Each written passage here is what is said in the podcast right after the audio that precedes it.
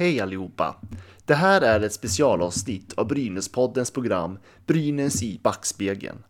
Men först vill jag bara påminna er om att gå in och gilla Brynäspodden på Facebook. Och följ gärna vår Twitterkanal, at Brynäspodden. Så kan du följa vårt arbete med att hela tiden utveckla denna podcast.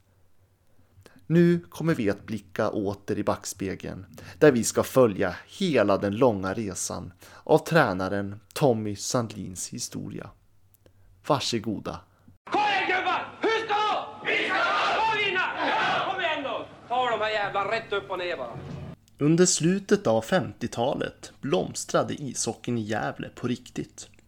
Inte nog med att stadens storlag, Gävle Godtemplares idrottsförening, vann SM-guld 1957 och att Gävle hade en legendar som Hans ”Döbben” Öberg i landslaget. Det fanns också en gedigen ungdomssatsning i staden där varje idrottsförening bildade sin egen hockeyliga. Som exempel hette Godtemplarnas liga för Stjärnligan. Brynäs hade Arsenalligan och Strömsbro skulle också starta upp Testebo-serien. Varje hockeyspelare från Gävles större föreningar fick ett varsitt knattelag att vara fadder åt. Och genom detta fanns det i princip ingen pojke i Gävle som inte spelade ishockey.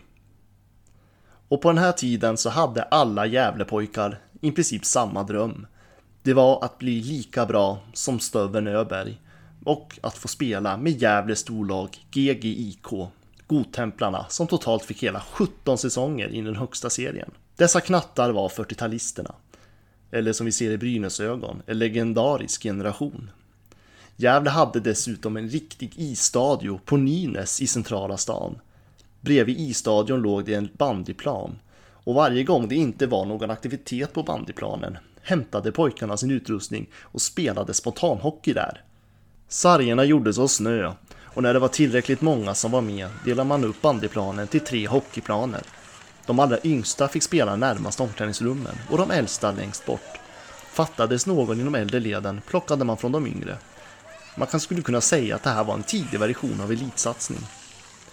Här spelade bland annat pojkar som Hans Vidus Lindberg, Hans Dahlöf och Håkan Wickberg och så vidare.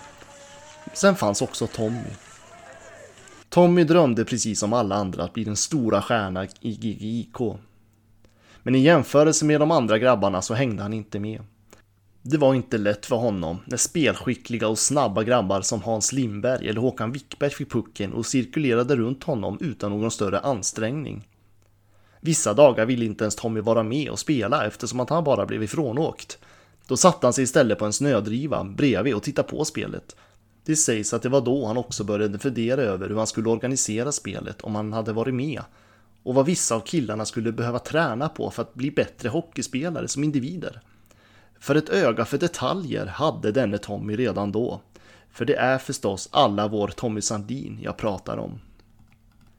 Men Tommy Sandin blev aldrig någon hockeystjärna.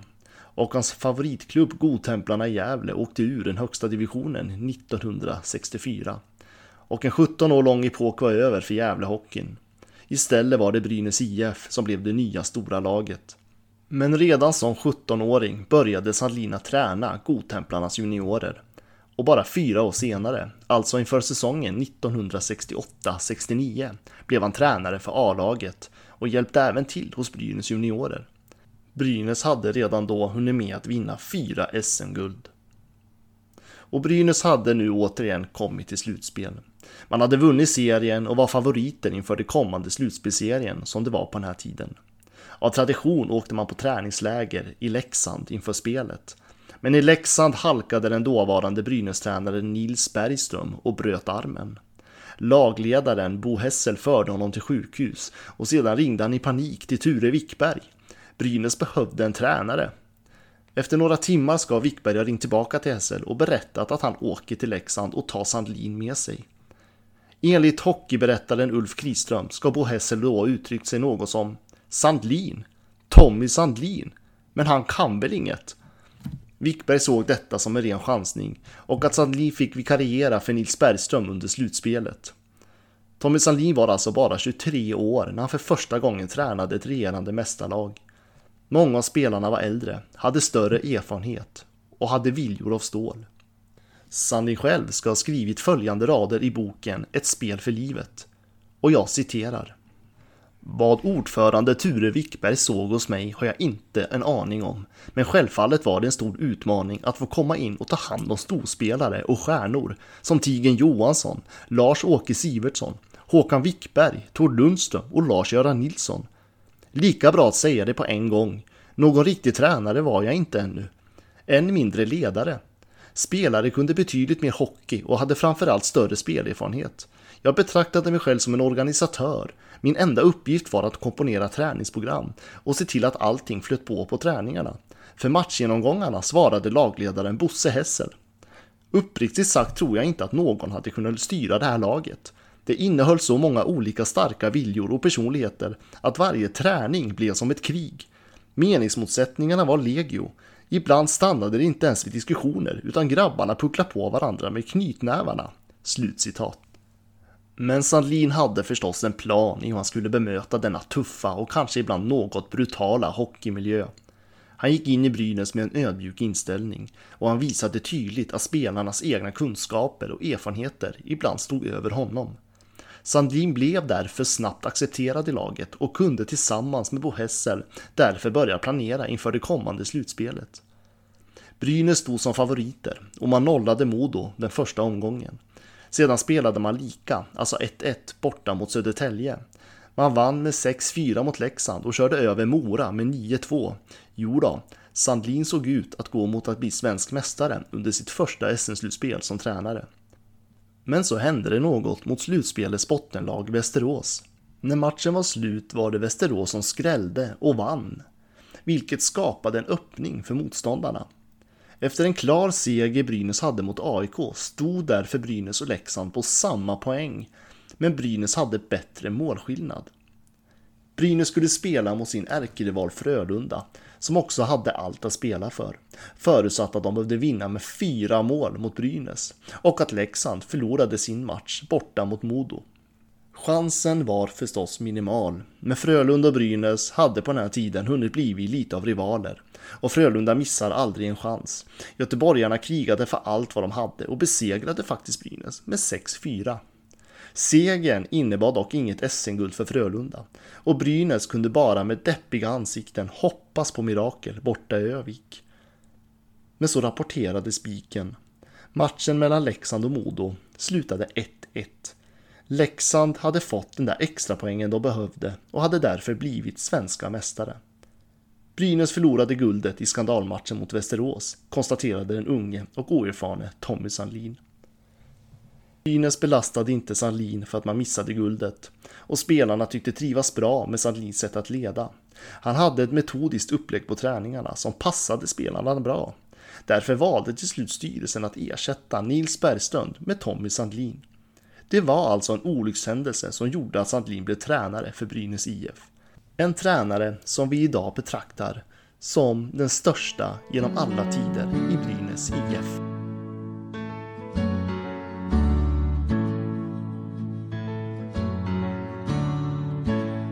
I Brynäs växte Tommy Sandlin som tränare. Redan som 24-åring fick han inleda säsongen 1969-1970 med en hel försäsong. I samråd med spelarna valde han höja träningsdosen ytterligare och han ville få träningarna att bli roligare.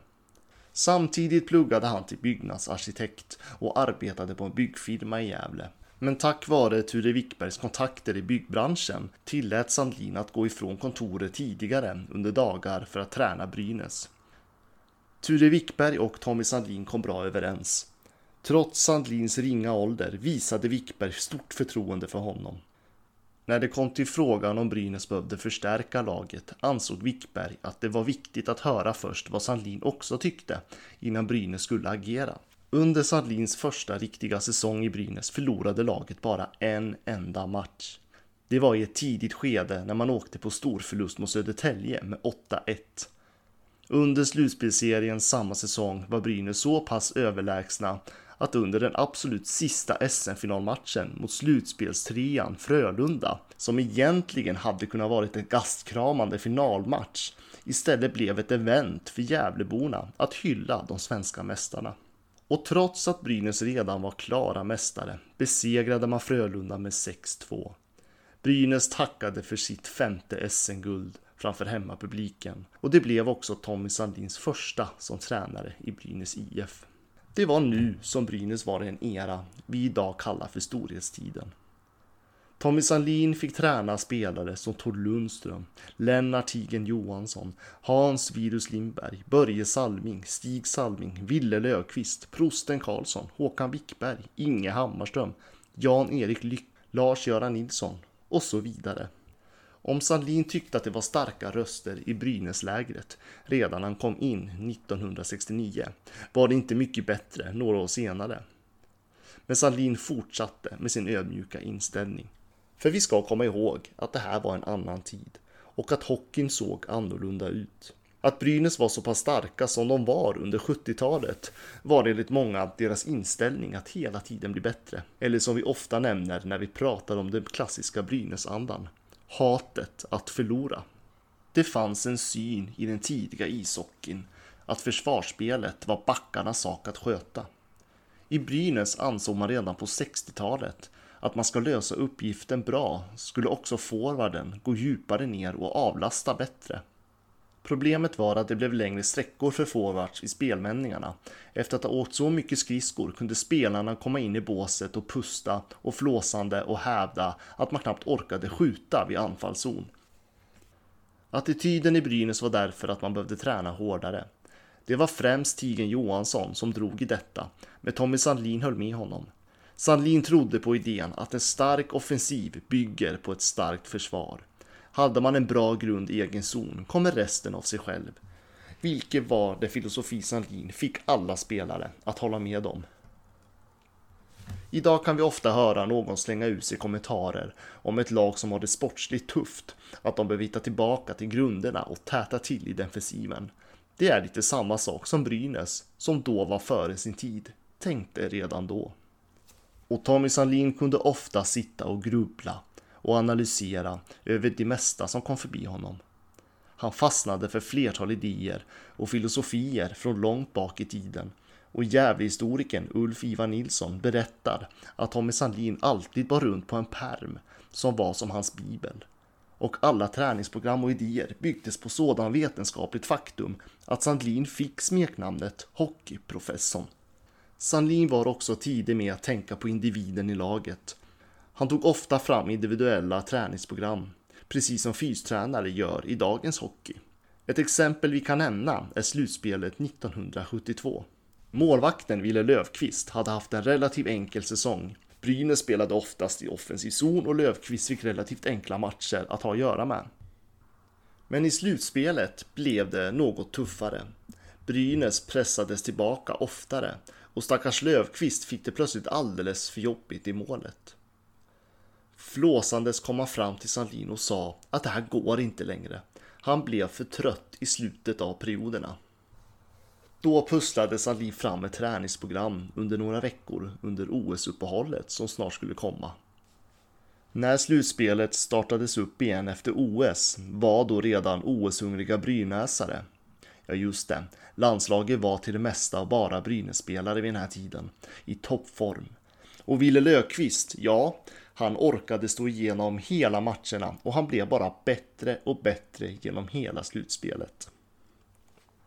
Journalister runt om i Sverige skrev att man ville ha Wille Löfqvist i den kommande VM-turneringen.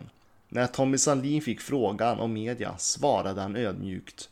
Ville är grym just nu. Men vilka som ska vara med i VM-laget är inte min sak att uttala mig om. Och Brynäs fortsatte att dominera under Tommy Sandlins ledning. Men 1972 avslutade Tigen Johansson sin karriär som hockeyspelare och inför säsongen 1972-73 hade både Börje Salming och Inge Hammarström åkt över Atlanten för att spela i NHL. Det var oerhört tunga besked för Brynäs. Och året därpå lämnade också Tord Lundström för att också han prova lyckan i Nordamerika. Och Brynäs hade nu hamnat mitt i en generationsväxling. Med alldeles för tunga tapp de senaste åren kallade Ture Wickberg till krismöte med Tommy Sandlin där bland annat Tigen Johansson och Breit Hellman också deltog. Brynäs kom fram till att det behövde värvas och Tigen Johansson, som då lade skridskorna på hyllan, gick in som assisterande och Tommy Sandlin. Sandin kände till Tigen väl och de hade ju tänkt något lika runt Brynäs träningar och strategier tidigare. Det gick också bra för dem. Brynäs vann hela den norra divisionen och tillhörde favoriterna i slutspelet. Slutspelet skulle dock bli något helt annorlunda. Bara tre poäng på sex matcher och Brynäs låg näst sist. I ett dubbelmöte mot Timrå vände det dock. Först vann man på bortaplan och den 17 januari i Gävle besegrade man Timrå med hela 7-3 och Brynäs låg bara fyra poäng efter tabelltvåan Leksand. Det fanns alltså fortfarande en chans att försvara guldet. Ture Wickberg var på strålande humör och var på väg för att möta pressen efter den här segern. Men han kom aldrig till tals. Strax intill där tv och radio befann sig började han att må allt sämre och gick in till en av toaletterna. Han hittades sedan liggandes på golvet. Wickberg hade åkt på en hjärtattack och i panik ringde man en ambulans. Men innan hjälpen kom fram hade Wickberg hunnit somna in. Han blev bara 52 år gammal. Händelsen påverkade förstås hela föreningen. Inte minst för sonen Håkan Wickberg som Brynäs ville skulle vila matchen efter mot Leksand trots att den var så avgörande i slutspelet. Men även Tommy Sandlin blev väldigt hårt påverkad. Det var Wickberg som gav honom en chans att bli tränare på riktigt. Det var Wickberg som hade stått på Sandlins sida när de andra hade ifrågasatt honom om Brynäs skulle ha en sådan ung tränare. Det var Wickberg som hade givit Sandlin fria tyglar att forma det här mäktiga Brynäs IF. Brynäs som efter detta hade annat i tankarna gjorde sitt sämsta slutspel på 11 säsonger. Men det var inte särskilt många i Gävle som brydde sig om det. Brynäs och Gävle hade förlorat den största visionär i föreningens hockeyhistoria. Ersättare till Ture Wickberg blev Henry Jansson. Om Wickberg såg som en visionär var Jansson något lugnare, kanske mer som en förvaltare. Det var också nu som förändringarnas vindar skulle svepas över svensk elithockey eftersom att elitserien skulle grundas. Hans Virus Lindberg lämnade Gävle för att spela i AIK och Tigen Johansson sade upp sig från assisterande tränarrollen eftersom han hade för mycket att göra på sidan om. Men allt var inte bekymmersamt för Sandlin. Han hade nämligen kontakt med Tord Lundström som lämnade Brynäs efter säsongen 1973-74 för att prova lyckan i Nordamerika. Lundström hade fått lämna Detroit och enligt Sandlins vetskap hade han skickats till London för att spela där. Sandlin visste att Lundström fortfarande var hungrig på hockey och Brynäs var i behov av skickliga spelare. Trots att Henry Jansson det året hade deklarerat att Brynäs inte skulle värva lyckades Tommy Salin att övertala honom gällande Tord Lundström och tacka hockeygudarna för det. Inför säsongen 1975-76, alltså elitseriens första säsong, var Brynäs därför tillbaka på fötterna igen. Gävlelaget dominerade hela grundserien och såg till att vinna elitseriens första SM-slutspel och deklarerade klubbens åttonde SM-guld. Ju längre in på 70-talet desto mer fick Sverige upp ögonen för den unge hockeyprofessorn. Tidigare hamnade han rätt ofta i skuggan av stora landslagsstjärnor. Kanske berodde det också på Sandlins personlighet. Men trots att stjärnorna blev äldre och nya spelare kom in fortsatte Brynäs att dominera. Och frågan som alla i hela Sverige ställde sig. Hur 17 gjorde Tommy Sandlin? I en intervju med Sveriges Television svarade han Vad är hemligheten? Så tänka mig att vi tränar oftare och intensivare än de flesta andra lag. Man hade nu börjat bli allt mer nyfiken på Sandlins tränarfilosofi. Sandlin var intresserad av samhället och han förankrade gärna samhällets utmaningar till ishockeyn. I en intervju med Salins dotter, Lena Salin, berättar hon hur hennes pappa beskrev att allt som händer i samhället också kan hända i ett hockeylag, fast på miniatyrnivå. Hans ledarfilosofi förknippar många som något socialdemokratiskt tankesätt. Laget före jaget. Alla kedjor fick i princip lika mycket istid, precis som i knatteserierna. Samtidigt som Sandlin blev hyllad som tränare var det också många som fnyste åt hans så kallade sossehockey. Men Sandlin var före sin tid och han hittade nyckeln till hur man ska forma ett lag. Och jag citerar vad Sandlin skriver i boken Ett spel för livet. Låt mig först bara säga att jag tror på meningsutbyte mellan tränare. Diskussion för utvecklingen framåt. Man får aldrig inbilla sig att man vet allt själv. Det gäller att lyssna och vara ödmjuk. Livet är gemensamma ansträngningar av många. Lyssna även på vad spelarna har att säga. Lyssna och pröva. Man kan hitta guldkorn överallt. Tålamod, uthållighet och vilja att förändra är egenskaper som en tränare och ledare alltid måste bära med sig. Och hur tufft mina spelare än har tränat vill jag att de ska komma ut från träningen med ett leende på läpparna. Man har inte haft en bra dag om man inte gjort någonting för någon annan.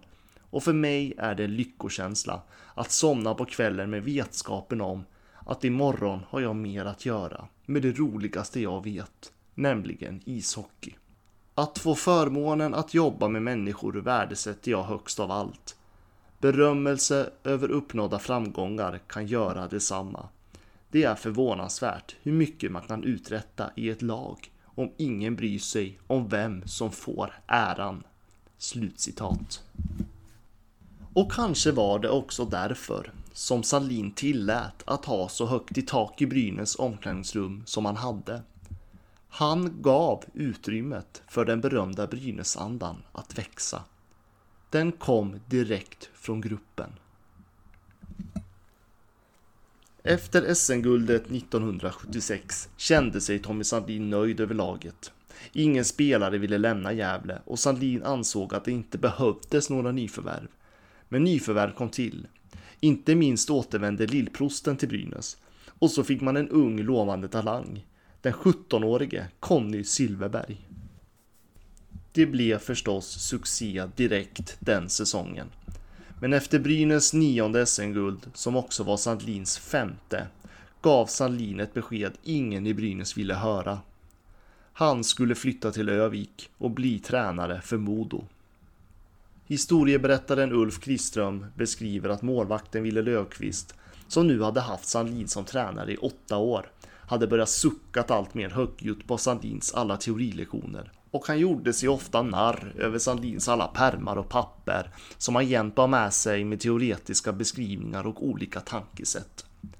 Lövqvist ska därför, med glimten i ögat förstås, ha sagt till Sandlin Lycka till Tommy, du kommer nog att trivas i Modo, för där har de ett eget pappersbruk. Att Tommy Sandlin lämnade Brynäs 1977 kan ses som slutet av Brynäs storhetstid. Även om det fortsatte att gå någorlunda och att nästa SM-guld kom tre år senare så blev Brynäs aldrig mer det dominerande laget man en gång i tiden varit.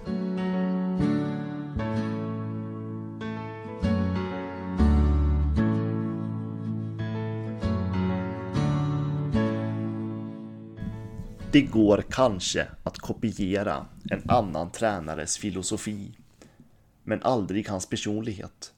Man kan inte vara någon annan, bara sig själv. Ett citat från Tommy Sandlin.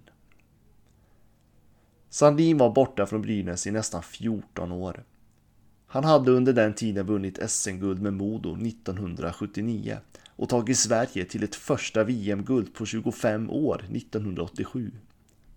Men på 80-talet hade det gått något jobbigare för Brynäs och under 90-talets början såg det dessvärre inte bättre ut. Något behövde hända i Gävle som hungrade efter framgångar. Tankarna fördes bort till Tommy Sandlin. Sandlin hade då kontrakt med Björklöven men efter förhandlingar lyckades man få det kontraktet brutet så att Brynäs kunde värva tillbaka sin gamla guldtränare. Därför återvände också Sandlin till Gävle 1991. Lennart Hovelius var på den tiden en aktiv ledamot i Brynäs valberedning. Han kände Sandlin sedan tidigare på 70-talet då han var läkare för laget. Hovelius fick posten som ny ordförande för elitkommittén och ansvarade då bland annat med spelarkontrakten. Hovelius var aktiv i sitt uppdrag och slet dagarna i ända för att Brynäs skulle få till ett så slagkraftigt lag som möjligt. Han kom också bra överens med vilka spelare han ville ha in. Ett namn som Brynäs såg en framtid för, men som Sandlin dessvärre blev mer fundersam kring var den då 20-årige Ove Molin. Det var nämligen så att Molin hade spelat för Danderyd Täby, men hade kontrakt med AIK. AIK hade ögonen på Patrik Eriksson i Brynäs, samtidigt som Brynäs ville ha Anders Parnström från AIK.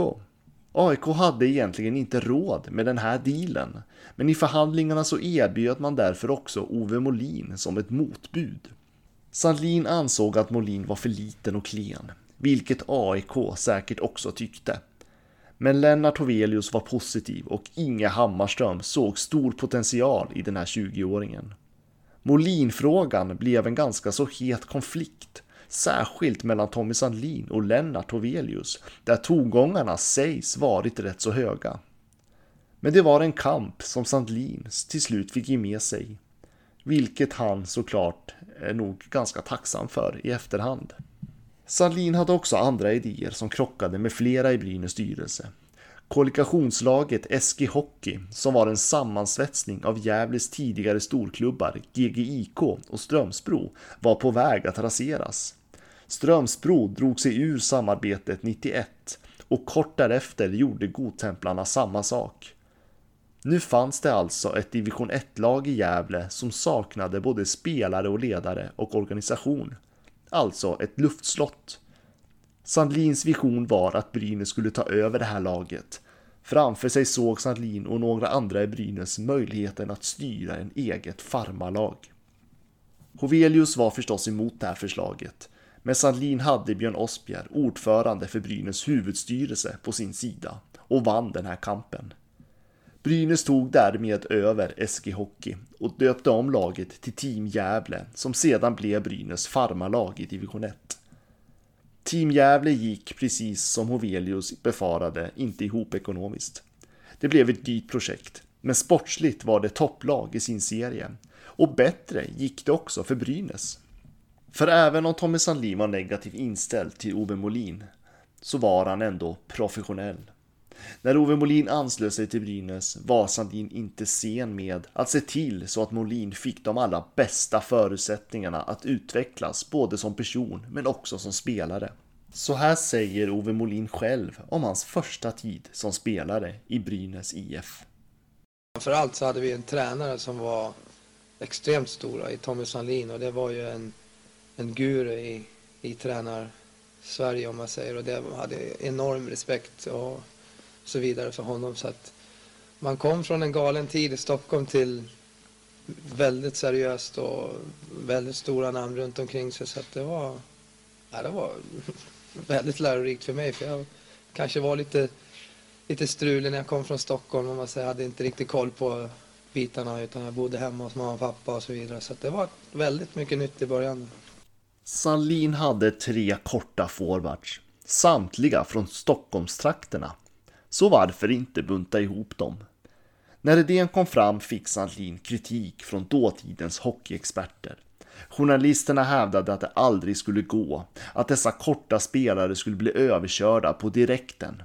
Men enligt Ulf Kriström så stod Sandlin på sig. Sandlin ska ha svarat kritikerna med orden Vi får väl se. Den som vill köra över dem måste ju kunna åka i fatt dem också. Kedjan jag talar om är förstås Ove Molin, Anders Gossi och Peter Larsson. Trion visade sig bli succé. En målmaskin framåt och arbetade hårt även i defensiven. De tillhörde Brynäs andra kedja. En dag ringde en av Gefle Dagblads reportrar direkt till Sandlin och undrade om det inte var dags att kalla dem för A-kedjan nu. Sandlin ska då ha svarat A-kedja? Vi har inga sådana graderingar i Brynäs. Du kan kalla dem smurfkedjan om du vill. Nu var det inte Sandlin som ursprungligen kom på begreppet smurfkedjan. Men när det nås till media finns det sällan någon återvändo och begreppet på kedjan spred sig över hela Hockeysverige. Men det var förstås inte samma Brynäs som Sandlin kom tillbaka till 1991 som det han lämnade 1977. Gamla spelare som Sandlin styrt om hade fått ledarroller i styrelsen eller som ledare i föreningen. Och det fanns flera ledande roller som hade sin vision om hur föreningen skulle skötas.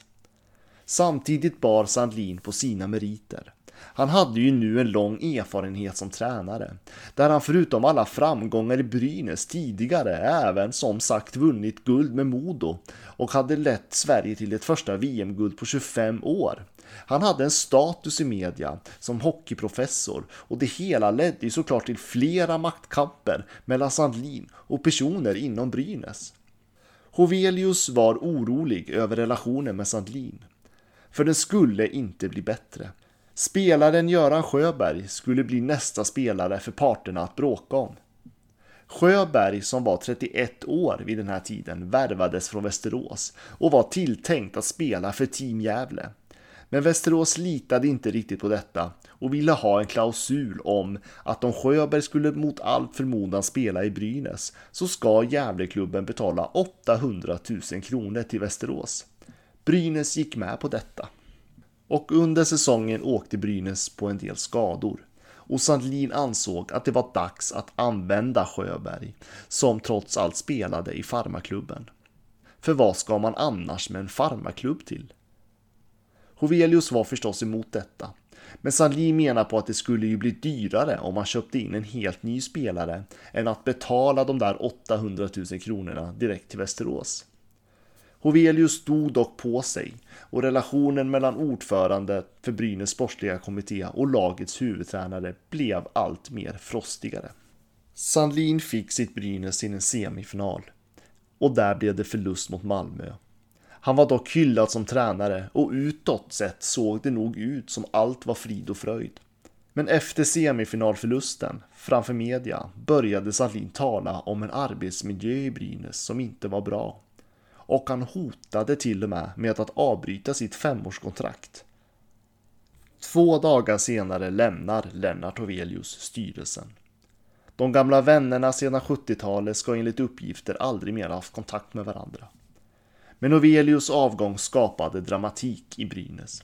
För i solidaritet med honom lämnade resten av sportkommittén och namn som Inge Hammarström, Tigen Johansson, Lars-Göran Nilsson, Willy Lindström, före detta spelare under Sandlins dagar under storhetstiden. Några av dem tog Sandlins parti medan andra stod fast vid Ovelius. Men Sandin själv ville inte lämna Brynäs. Han såg ljus på framtiden och stannade kvar i klubben och ambitionerna var höga. Han deklarerade öppet att målsättningen var SM-guld. För säsongen 1992-93 var Brynäs stensäkra på sin sak, medan motståndarna tyckte kanske något annat. Brynäs kom på en andra plats i grundserien efter Västerås. Man slog ut Leksand i kvartsfinalen med två raka segrar och sedan hade man besegrat Malmö i semifinalen. I finalen mötte man Luleå och Luleås taktik sågs till en början bemästra Brynäs väl. Det sågs som att inte ens hockeyprofessorn själv kunde matcha deras spel. De två första omgångarna hade Brynäs förlorat. Luleå skanderade SM-guld medan Gävleborna såg allt mer bekymrade ut. Men Tommy Sandlin hade inte gett upp. Och visst fanns det chans, även om Luleå såg som klara vinnare i det här läget. Brynäs vann den tredje omgången och matchserien levde trots allt kvar. Men Luleå behövde bara vinna en match till och de hade nu hemmafördel i matchserien. Det var pompa och stå till Luleå. Publiken hade guldvittringar, media var förberedda med rubrikerna om Luleås SM-guld. Så när uppvärmningen var klar samlades Brynässpelarna i omklädningsrummen. De var beredda på tränarens sedvanliga taktiksnack och uppladdning. Men vad de fick höra var något helt annat. För där kom hockeyprofessorn i någon sorts mantra som bara han kunde. För som vi alla vet var han intresserad av olika filosofiska verktyg. Och för några år sedan hade han rest till Japan. Där fick han med sig en filosofi som passade väl in med Sandins egna tränarfilosofi. Sandlin började att tala om en samuraj som förberedde sig för sin sista strid. Spelarna fick höra talet om mod, om hur samurajens filosofi handlade om. Och jag citerar. Det första en samuraj fick lära sig var att den som inte vågar förlora aldrig kan vinna. När man gick ut för att slåss fick det bara finnas en tanke i huvudet och det var att komma hem med heder. För alternativet var att inte komma hem alls. Ni ska gå ut och våga. Våga göra misstag. Våga vinna. Våga tänka som en samuraj. Gå ut och tänk att ni ska komma hem i triumf. Slutcitat. Talet varade i nästan tio minuter. Det var ett budskap som hade genomsyrat hela Sandlins tränarkarriär. Ulf Kriström berättar att det var ofta som Sandlin satte upp lappar med budskap som du måste våga. Det går inte att spela hockey utan att göra misstag och så vidare. Och när talet var över gav Sandlin orden till målvakten Micke Sundlöv. Kör igång!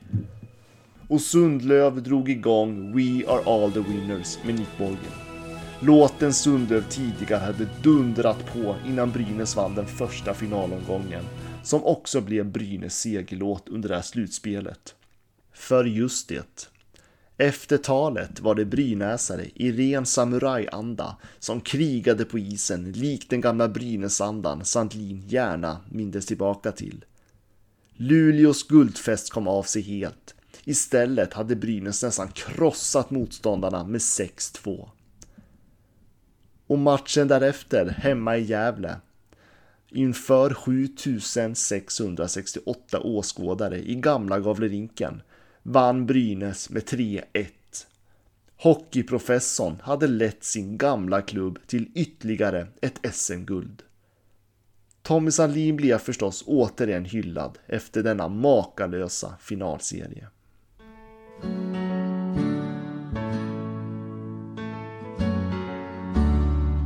Men bakom kulisserna fanns det ändå fortfarande bittra krafter utanför Gavlerinkens väggar. Och säsongen 1995-96 blev en mörk tid för Sandlin och hans Brynäs. Skador spökade. Bland annat var Ove Molin borta hela säsongen då han föll så illa under en träning och skadade ryggkotan. Dessutom hade en rad ledande spelare innan säsongen lämnat föreningen som bland annat Anders Huss, Christer Olsson och Johan Thornberg. Även spelaren Jonas Jonsson kände sig illa behandlad av föreningen och ville ha ett sabbatsår. Dessutom så anklagades Brynäs för skattefiffel gällande några av de utländska spelarnas spelarkontrakt. Brynäs vann bara 3 av 22 matcher och åkte mitt under säsongen ner till Hockeyallsvenskan. På sidan av isen under den här säsongen hade Tommy Sandin också det väldigt tufft privat. Hans mamma hade nämligen åkt på tre hjärtinfarkter och han besökte henne varje dag på sjukhuset och därifrån åkte han sedan till Brynäs träningar. Brynäs ledande personer visste förstås om detta, men Sandlin höll masken för spelarna som alltså inte visste någonting. Och ledningen hade lovat Sandlin stöttning trots den svåra sportsliga motgången som räknades som ett enormt fiasko för en förening som Brynäs IF. Men bakom ryggen på Sandlin gjordes det andra planer.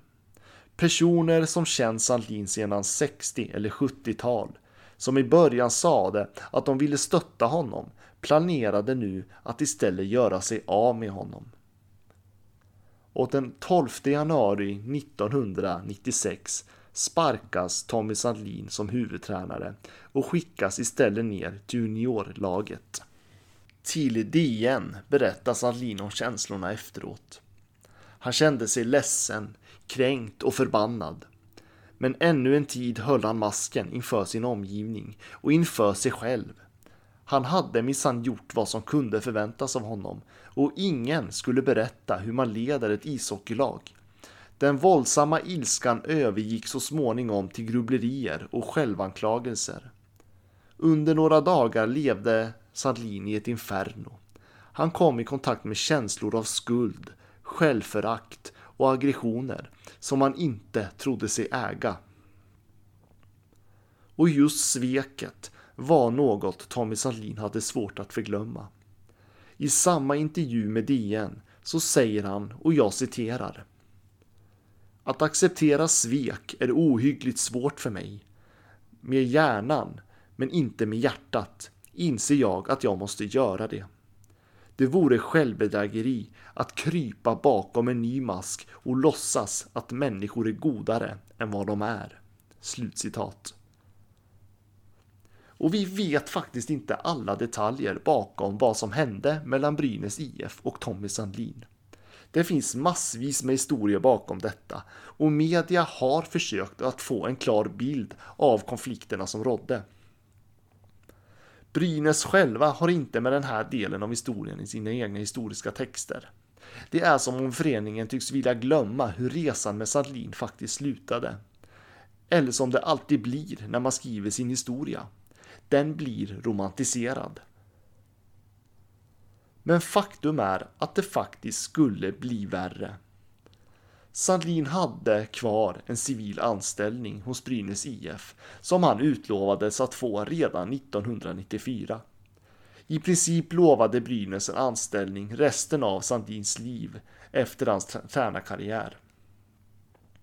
Man ville såklart behålla hockeyprofessorns erfarenheter och kunskaper inom föreningen även i framtiden. Eller ja, det ville man i alla fall då.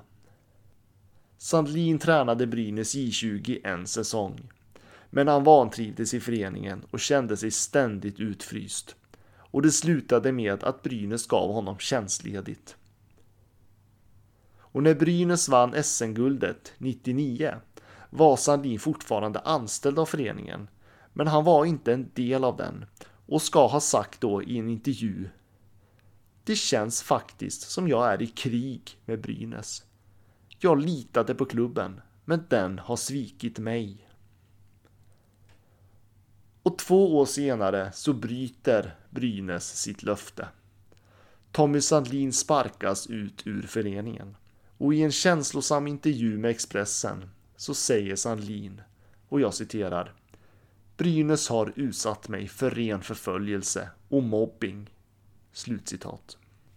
Brynäs själva hänvisade helt och hållet till arbetsbrist, vilket egentligen inte riktigt var sant. En fråga vi kan ställa oss idag. Varför skulle man göra sig av med en sådan stark profil med så mycket hockeykunskap som Sandlin ändå hade? Och vi kan bara anta att om detta hade hänt idag hade saker och ting säkerligen skett annorlunda och Sandlin kom aldrig mer tillbaka till Brynäs IF.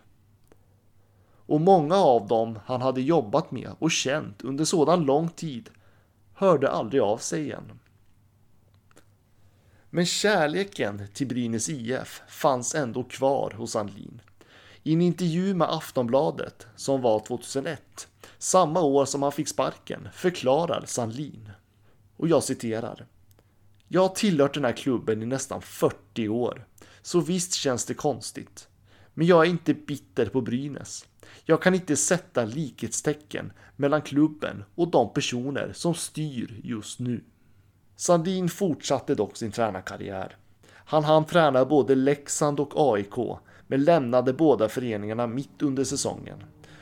2002 tränade han Tierp i division 1 och var där i två år innan han tog sig till Norge för att träna Trondheim. Där skulle han bli i nästan två säsonger. Men han följde ändå Brynäs noga. För att han var brynäsare av hela sitt hjärta. Han missade ogärna en hemmamatch och han gladdes mycket av att Gavlerinken byggdes om 2006 och blev Läkerol Arena. Där hade han sin plats högt upp på läktaren och följde spelet, ibland med en kikare för att kunna se bättre. Tommy Sandlin fascinerades ofta av de nya och moderna arenorna, men han var också orolig för att hockeyns själ skulle bli svagare om det blev för mycket big business i sporten. Inför julen 2006 kände Sandlin först av en svår huvudvärk och fick sedan ont i bröstet. Han fördes till sjukhuset då det konstaterades hjärtinfarkt och han fick ligga kvar ett par nätter men kom hem ett par dagar före julafton. Julen skulle sedan firas med familjen hemma i Gävle. Sandlins dotter Lena Sandin berättar i intervju med Hockeysverige.se att där under julen hade Sandlin suttit med hans barnbarn och berättat om historierna runt alla medaljer han vunnit som tränare genom alla de år han hade med såväl Brynäs IF, Modo och Tre Kronor. Lena beskriver den här stunden som om Sandlin kände på sig redan då. Att den här stunden var hans sista chans att berätta hans egna berättelse för sitt barnbarn. För den 28 december 2006 kommer beskedet ut till hela Hockeysverige. Tommy Sandlin är död. Han hade dött av ytterligare en hjärtattack och ambulansen hade dödförklarat honom på plats. Tommy Sandlin blev endast 62 år gammal.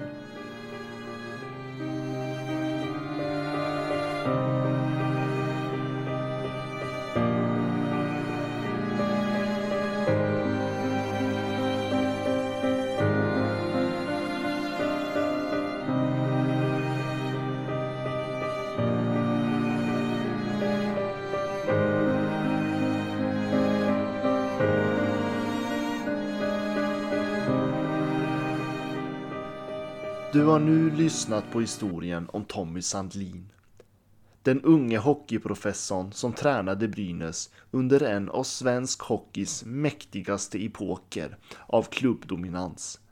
Och totalt vann han sex SM-guld med Brynäs. Och även ett SM-guld med Modo. Och han tog också Sverige till VM-guld 1987 för första gången på 25 år. Tommy Sandlin ses idag som en av de allra största tränarna i svensk hockeyhistoria och den absolut största någonsin i Brynäs IF. En tränare får aldrig sin vepa i taket. Men vi kan ändå hedra Tommy Sandlin genom att aldrig glömma hans berättelse.